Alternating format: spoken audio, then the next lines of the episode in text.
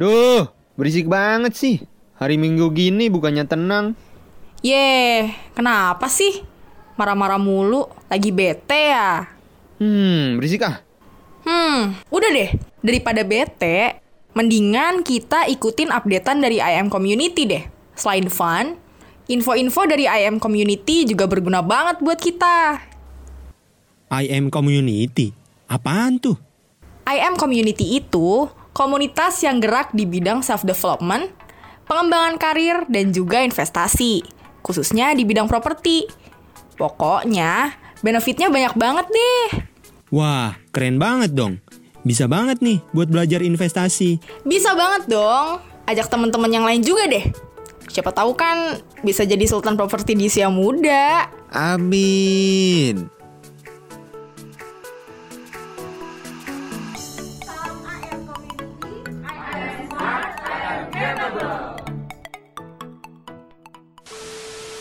Oke, balik lagi bersama Edgar di sini ya dan masih bersama di IM Podcast dan topik hari ini pastinya up to date banget. Boleh kenalin diri dulu untuk narasumber di IM Podcast episode pertama? Hai, hi everyone. Hai Young Fester. Um, perkenalkan aku Yohan Angelin. Aku saat ini aktivitasnya aku bekerja sebagai konselor, konselor di Pusat Pemberdayaan Perempuan Anak di bawah Dinas Pemberdayaan Perempuan Anak Pengendalian Penduduk di DKI Jakarta. Agak panjang ya namanya ya. Dan aku juga Wow. saat ini bergabung di ini nih Edgar um, salah satu platform di perduniawian bekerja sebagai learning project officer gitu. Uh, Learning Project Officer ya. Dan tadi di Dinas Perempuan juga ya? Iya, betul Uh, Keren Edgar. banget. Emang cocok banget ya. Dulu kuliahnya di mana, Kak? Kalau kuliah aku di psikologi Undip di Semarang. Oh, Semarang. Wow, keren. Aku juga orang Jawa Tengah loh, Kak, BTW. Oh iya, hai warga Jawa Tengah siapa tahu ada yang denger juga di sini. Saya hai dulu, hai. Pasti ada dong ya yang investor yang investor yang ada di Jawa Tengah dan oh dulu Kak Yohan di Undip kita ternyata tetanggaan loh Kak. Aku dulu di UNS Oh, di ini Surakarta.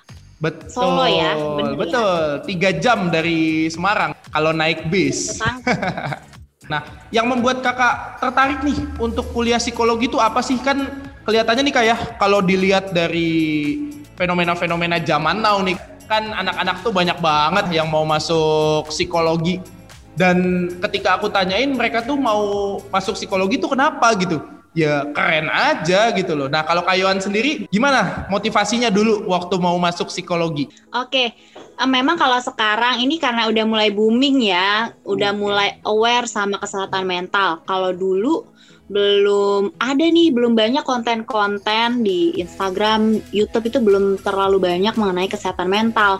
Tapi kalau dulu awalnya nggak sengaja. Cuma lambat laun semester 1 diikutin. Awalnya ngerasa sih kayak ini passion aku nggak ya? Apakah mungkin gitu ya? Karena aku dulu pengennya komunikasi, jujur aja ya.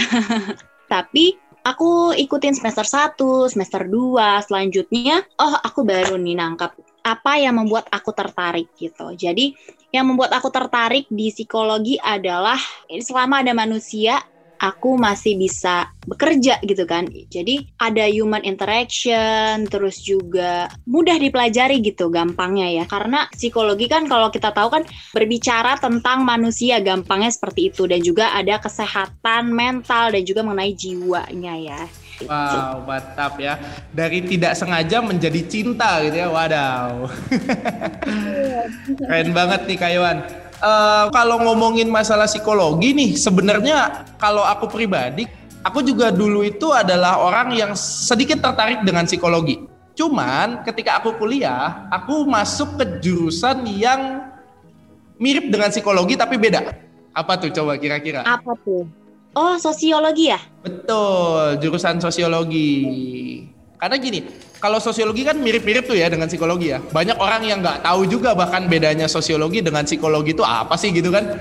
Ternyata beda ya dari konteks ilmu kuliahannya juga udah berbeda jauh banget ya Kak Yohan. Benar, benar. Oh iya nih, ngomong-ngomong Kak Yohan, kan tadi Kak Yohan tuh kan sibuk banget nih ya, ada di Dinas Perempuan dan Anak, kemudian tadi ada juga jadi project officer, itu kan pasti waktunya padat banget tuh Kak. Itu bagaimana caranya Kak Yohan ketika Kak Yohan itu mengatur waktu untuk semua aktivitasnya kakak? Oke, ini belajar mengatur waktu. Kebetulan aku juga belajar sih ya, maksudnya nggak tiba-tiba langsung bisa. Kebetulan dari zaman kuliah itu udah belajar sibuk. Oh nggak, bahkan SMA.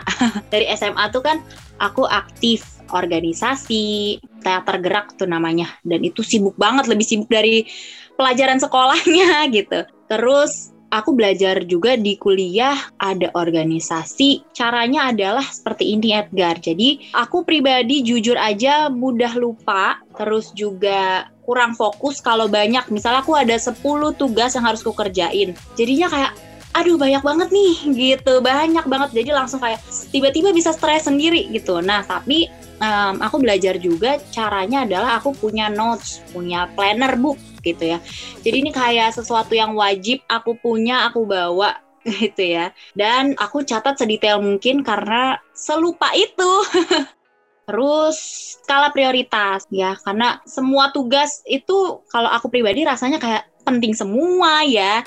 Cuma dipilah-pilah lagi. Aku pernah ikut webinar juga tuh dibagi empat gitu ya, yang paling penting, paling urgent, terus yang mungkin masih bisa agak nanti itu diurutin 1 sampai 10 misalnya gitu. Jadi step by step. Jadi kalau orang-orang bilang multitasking kayaknya nggak semua deh orang bisa multitasking yang bisa perfect gitu mengerjakan tugasnya.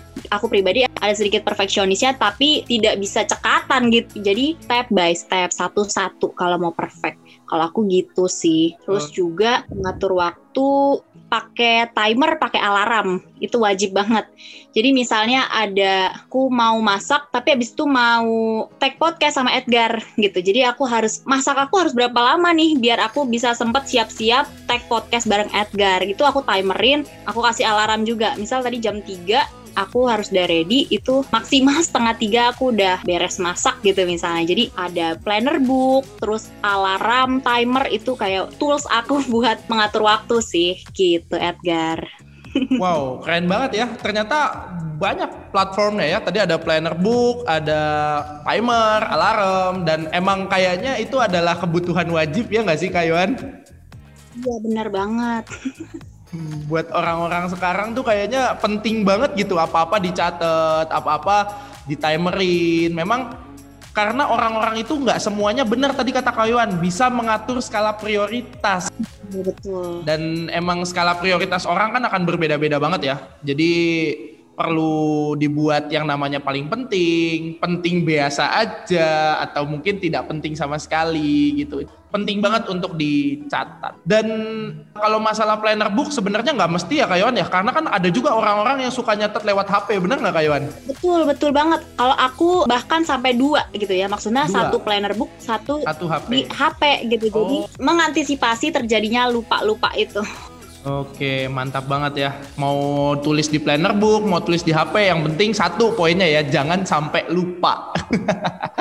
Iya, Bener betul. banget, ya ampun. Dan Kayuan sendiri nih, kan dengan udah bekerja tadi ya di mana dinas perempuan dan pemberdayaan anak dan apa namanya tadi juga jadi project officer. Sebenarnya Kayuan itu kalau boleh dibilang nih kayak bahagia nggak sih dengan hidupnya Kayuan sekarang? Waduh, ini topiknya seru banget nih. Bahagia nggak ya dengan hidupnya sekarang? Jadi sebenarnya kan setiap orang kayaknya mencari happiness ya dalam hidupnya ya. Aku pun pribadi mencari itu gitu. Kalau ditanya udah atau belum, aku pribadi masih on the way gitu. Tapi udah mulai oh kayaknya aku nemu nih happiness aku di mana, di mana aku mulai nyaman sama hidup aku gitu. Mulai sih ada tapi belum yang wow banget, baru OTW gitu. Iya bener, yang penting progresnya ya. Mm, betul. Nah kalau definisi nyaman sendiri sebenarnya menurut Kayuan tuh gimana sih? Oke, nyaman dalam hidup ya.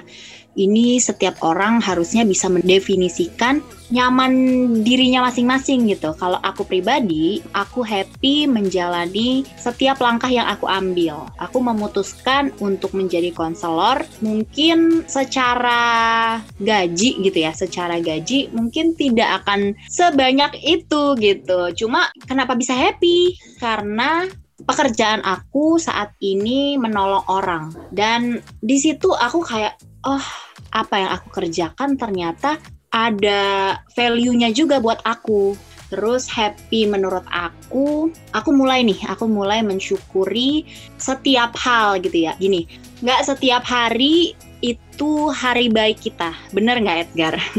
Betul banget, ya kan? betul banget. We have a good day, we have a bad day pasti ya. Dalam hidup itu pasti ada. Betul, betul. Dan harus dicari sih, di, harus dicari kira-kira hari ini apa ya bisa aku syukuri dan sebenarnya dari kesulitan nih dalam sehari, misal bad day banget nih ngerasanya bad day banget, tapi pasti ada hal yang bisa disyukuri sekecil apa pun dan itu latihan sih sebenarnya dan aku sendiri lagi latihan untuk menulis namanya gratitude journal. Edgar pernah dengar gratitude journal? Oh, sejenis jurnal untuk mengapresiasi diri gitu ya? Betul kira-kira kayak gitu. Jadi uh, setiap hari misalnya sebelum tidur nih, sebelum tidur tulis tiga poin minimal tiga poin kira-kira apa sih yang bisa aku syukuri hari ini? Gitu. Misal um, hari ini aku makan enak nih gitu. Misalnya hari ini aku makan makanan kesukaan aku. Itu kan hal simple. Meski hari ini aku kehujanan misalnya kehujanan becek apa segala macem tapi hari ini aku masih ada hal yang bisa disyukuri yaitu makan enak gitu salah satunya kayak gitu. Hal-hal kecil yang ternyata harus dilatih Edgar gitu. Iya itu bener, yang bener, bener. aku pribadi caranya latihan dengan dicari sih harus dicari kira-kira apa ya bisa aku syukuri hari ini gitu. Kalau misalnya nggak suka mencatat ya udah diingat-ingat aja. Hari ini aku ngapain aja ya? Apa aja ya yang menyenangkan hari ini Terus juga jangan lupa untuk apresiasi diri gitu ya. Ah, coba aku kalau mau tanya Edgar sendiri setuju nggak dengan pernyataan itu? Hmm, aku melihat ya karena dari tadi juga poin-poinnya itu sangat relate banget dengan orang-orang dan itu sering banget dilupakan orang-orang ya nggak sih Kayawan? Artinya kan kalau tadi Kayawan kan bilang kalau mau bahagia itu harus bersyukur, kemudian mengapresiasi diri sendiri. Itu adalah poin-poin yang sangat sangat sangat sering dilupakan orang lain. Bener nggak Kayawan? Iya betul banget. Nah, Karena itu dia. Um, aku pribadi suka baca tuh di Twitter. Jadi mengejek kata-kata terima kasih telah berjuang. Ya, mungkin untuk sebagian orang kayak apaan sih kalimatnya? Lebay banget gitu. Tapi mungkin mengapresiasi diri banyak bentuknya ya. Betul. Gitu. Dan mengapresiasi diri itu nggak mesti pakai uang ya Kayawan ya, betul ya? Ya benar gitu. makan makan aja yang cukup, terus juga ya. penuhi gizi, istirahat itu kan bentuk apresiasi juga sama diri sendiri. Betul. Nah, uh, menurut Kayawan nih, kan kalau tadi udah denger banget pemaparannya Kayawan kan kayaknya Kayawan tuh sangat nyaman ya dengan diri Kayawan sendiri. Tadi bisa bersyukur kemudian bahkan sampai membuat wow itu hal menarik banget yang namanya gratitude journal ya tadi ya betul ya? Ya, betul. Nah, betul, itu gratitude journal itu adalah sebuah inovasi sebenarnya kalau menurut aku karena tidak banyak orang yang tahu dan itu sebuah hal yang baru dan jarang orang dengar tentang gratitude journal. Mungkin hanya beberapa aja dari kita yang tahu gitu ya. Nah, berikutnya gini nih Kayuan. Kalau menurut Kayuan sendiri, penting gak sih buat orang itu nyaman sama hidupnya? Artinya gini, kalau tadi Kayuan udah memaparkan kalau Kayuan itu nyaman dengan hidupnya, aku juga udah memaparkan kalau aku nyaman dengan hidup aku. Kemudian kalau untuk orang-orang sendiri gimana sih? Oke, ini kemarin aku kan perjalanan ke kantor cukup jauh ya. Nah ini juga menjadi aku bawa di pikiran juga nih sepanjang perjalanan gitu. Penting nggak ya? Penting nggak ya? Terus aku juga sempat ngajak diskusi beberapa orang. Penting nggak sih menurut lo hidup nyaman gitu? Tapi dengan definisi masing-masing kan nyamannya orang-orang kan beda-beda ya. Kalau Edgar sendiri definisi nyamannya Edgar apa? Kalau aku pribadi ya nyaman sendiri itu menurut aku adalah sebuah konsep ya. Artinya ketika aku bisa berguna untuk orang lain, kemudian ketika aku bisa bermanfaat dan aku bisa menyenangkan orang lain aja, menurutku aku udah nyaman gitu loh dengan diri aku. Artinya aku melihat uh, bahwa diri aku tuh memiliki value gitu di mata orang lain dan itu jujur aja itu membuat aku nyaman banget ya dengan berada di sekitar orang, kemudian dihargai orang itu sangat membuat nyaman sekali. Betul.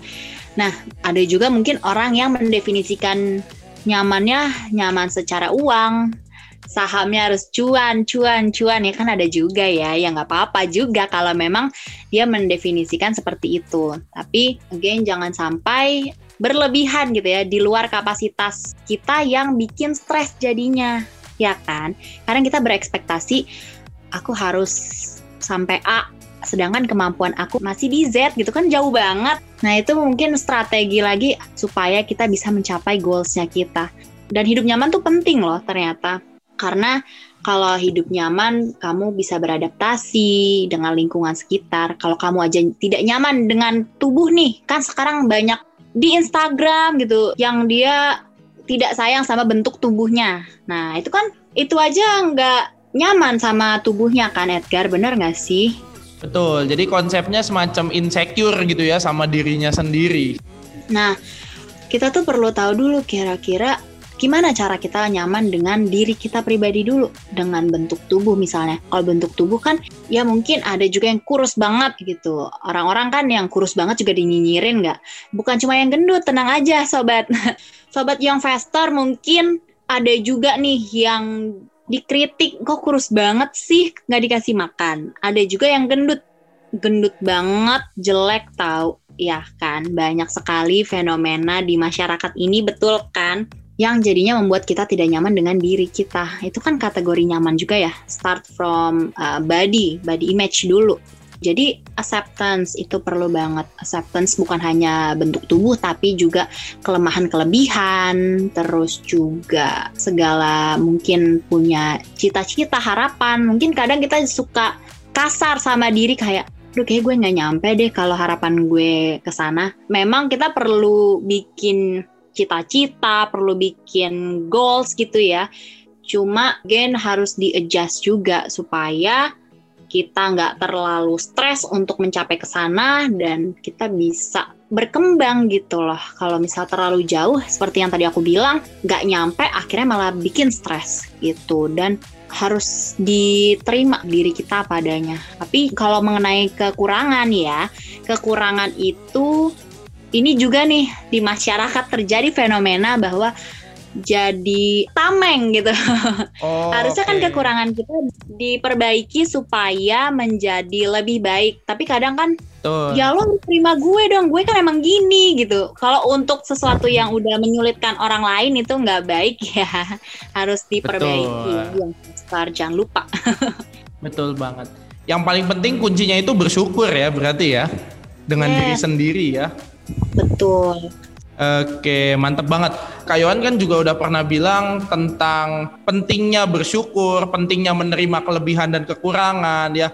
Dan itu kan adalah bagian dari potensi diri, ya nggak sih kak? Kelebihan betul. dan kekurangan kita itu. Nah, ada tips nggak dari Kayuan nih buat teman-teman young investor di luar sana yang mau menggali kelebihan dan kekurangan dirinya sendiri supaya dia bisa gampang gitu menemukan kelebihan dan kekurangan. Oke, yang investor mungkin untuk menggali potensi. Mau nggak mau harus dicoba satu-satu gitu ya. Mungkin kalau misalnya kita mau tes bakat ya bisa juga sih. Mau tes nih, misal ke psikolog mau dong dites ah, kira-kira minat bakat aku apa ya bisa juga. Tapi mungkin ada orang yang lebih suka dicobain nih satu-satu. Ya silahkan mau cobain jadi podcaster. Ya boleh, monggo dicoba. Mau coba jadi penyiar ya silahkan dicobain aja satu-satu. Gitu kan. Itu cara kasarnya ya. Mungkin karena yang investor ini kan masih muda-muda kan masih banyak waktu untuk mencoba. Sekarang juga udah banyak banyak kesempatan untuk cobain satu-satu itu. Masih banyak banget kan Edgar sendiri. Mungkin backgroundnya bukan komunikasi tapi ngerasain jadi podcaster gitu kan. Oh pastinya itu makanya kadang-kadang orang juga bertanya-tanya ya kenapa kok mau gitu ya jadi podcaster dan ternyata memang wow emang sesuatu itu harus dicoba kalau nggak dicoba ya kita nggak akan pernah tahu kan potensi diri kita itu seperti apa Benar-benar banget. Selain itu mungkin yang faster juga bisa ngobrol nih sama orang terdekat. Kira-kira kelebihan aku apa sih kalau dari sudut pandang orang lain? Kadang kan orang lain itu lebih mudah, lebih jeli. Kayaknya lo cocok deh jadi ini. Kayaknya lo lebih cocok jadi ini deh. Kan orang-orang kan kadang suka judging ya. Nah itu bisa juga tuh jadi bahan kita untuk mencari potensi dalam diri kita kira-kira ada apa ya apa yang bisa aku punya jadi dari orang lain itu kadang bisa ngasih insight buat kita gitu. Edgar pernah ngerasain gak sih kayak gitu? Pernah pernah banget. Jadi emang kadang-kadang kita harus dengerin omongan orang. Cuman kan kadang-kadang nih kak nih ini mungkin juga jadi pertanyaan young investor young investor di luar sana nih. Kalau kita dengerin omongan orang gitu kan kadang-kadang kan nggak semua omongan orang itu baik ya buat kita ya. Nah itu gimana tuh cara memfilternya omongan-omongan orang itu? iya itu balik lagi sih. Kita harus siap dulu nih dengan info info itu kan banyak banget ya dari A B C D ngomongin kamu harusnya gini kamu harusnya gini. Ya udah kita filter aja nih kira-kira ini dia membangun atau menjatuhkan gitu ya. Kalau sesuatu yang membangun coba dicatat dulu. Oh, kata dia aku harus seperti ini, seperti ini. Kalau jatuhnya udah menjelek-jelekan itu kan yang harus kita hempas ya Edgar ya. Karena itu bukan sesuatu yang membangun, malah itu ngejelek-jelekin kita gitu. Betul. Nah, itu perlu kita saring. gitu. Terus juga cara menggali potensi ada tuh yang namanya ikigai. Pernah dengar nggak nih yang investor kira-kira? Edgar pernah dengar? Aku pernah kalau tentang ikigai, tapi aku belum pernah belajar mendalami itu. Gimana Kayuan? Sebenarnya kalau aku juga masih belajar nih untuk menggali dari teknik ikigai. Nanti mungkin teman-teman yang investor nih sambil baca-baca juga ya. Sekarang platform udah banyak banget yang kasih konten tentang ikigai. Jadi kita harus cari tahu apa yang dunia butuhkan, apa yang kita miliki, dan kalau nggak salah apa yang bisa kita jual seperti itu ya. Sorry banget nih kalau yang investor nanti aku sedikit kurang tepat, boleh dikasih saran ya teman-teman ya. Karena kan kita manusia nggak ada yang sempurna.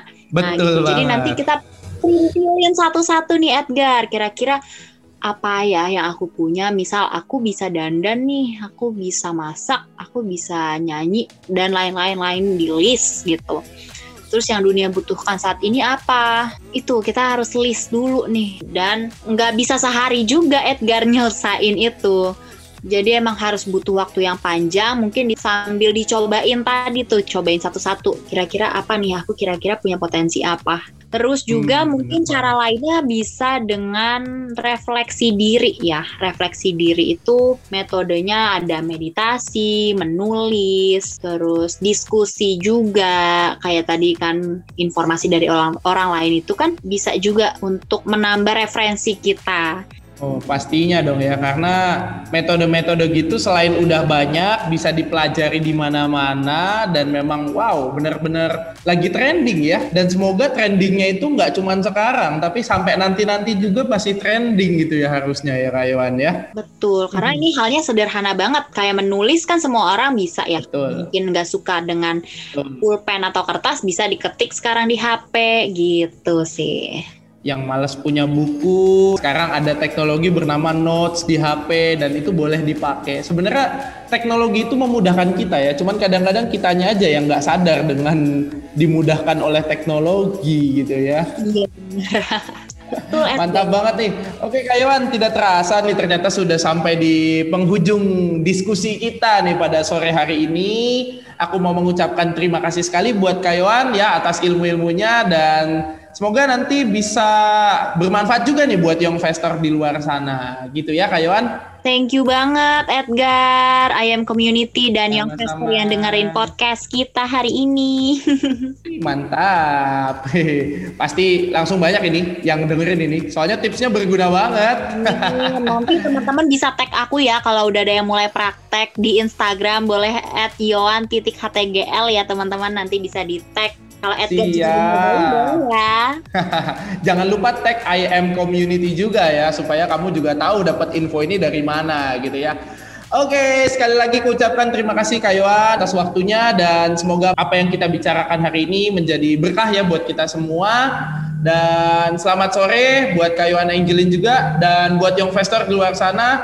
Nantikan terus untuk episode-episode podcast yang akan datang dan stay tune di semua platform media sosialnya I am Community. Salam I am Community, I am smart, I am capable.